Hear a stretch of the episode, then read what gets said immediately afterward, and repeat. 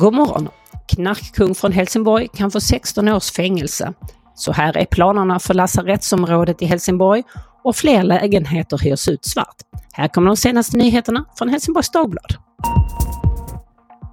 Minst en person dödades och 21 skadades vid en Super Bowl-parad i Kansas City i USA igår. Vid en presskonferens sa räddningstjänstens chef Ross Grundison att man hade åtta personer med livshotande skador, sju svårt skadade och sex personer med mindre skador.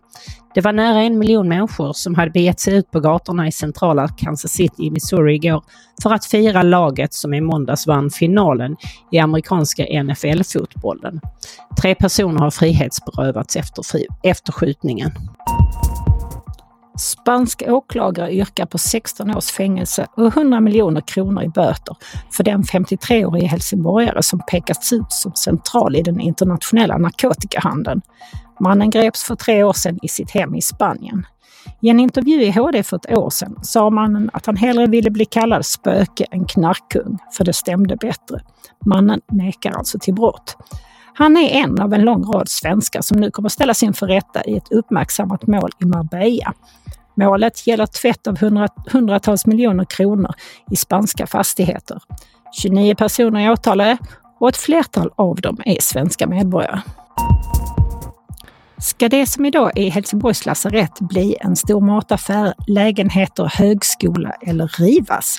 Förra våren fick tjänstemän från Helsingborgs stad och markägaren Region Skåne bolla idéer för hur tomten kan användas när lasarettet flyttar.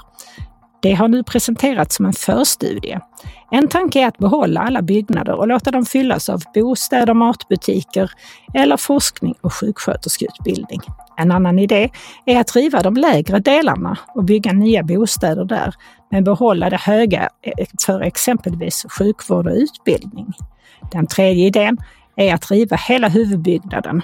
Det skulle kosta 200 till 300 miljoner kronor. Förra året tog Helsingborgshem tillbaka 104 lägenheter som hade hyrts ut i andra hand. Det är allt fler som hyr ut sina lägenheter så, enligt Helsingborgshems kommunikationschef Jonas Jakobsson Görtler. När det upptäcks så rivs kontraktet med hyresgästen och lägenheten återgår till bostadskön.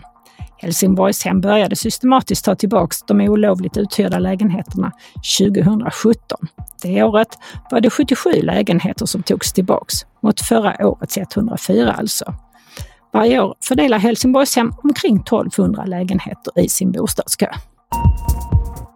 En misstänkt skottlossning inträffade igår eftermiddag i de östra delarna av Höganäs.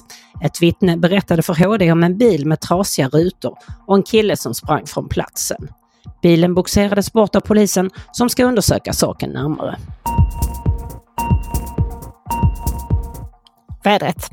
Det blir ännu en mulen och regnig dag i nordvästra Skåne idag. Enligt prognosen blir det ihållande regn från förmiddagen och långt in på sena kvällen. Temperaturen väntas ligga mellan 4 och 6 grader. Vinden blir måttlig och kommer från sydväst.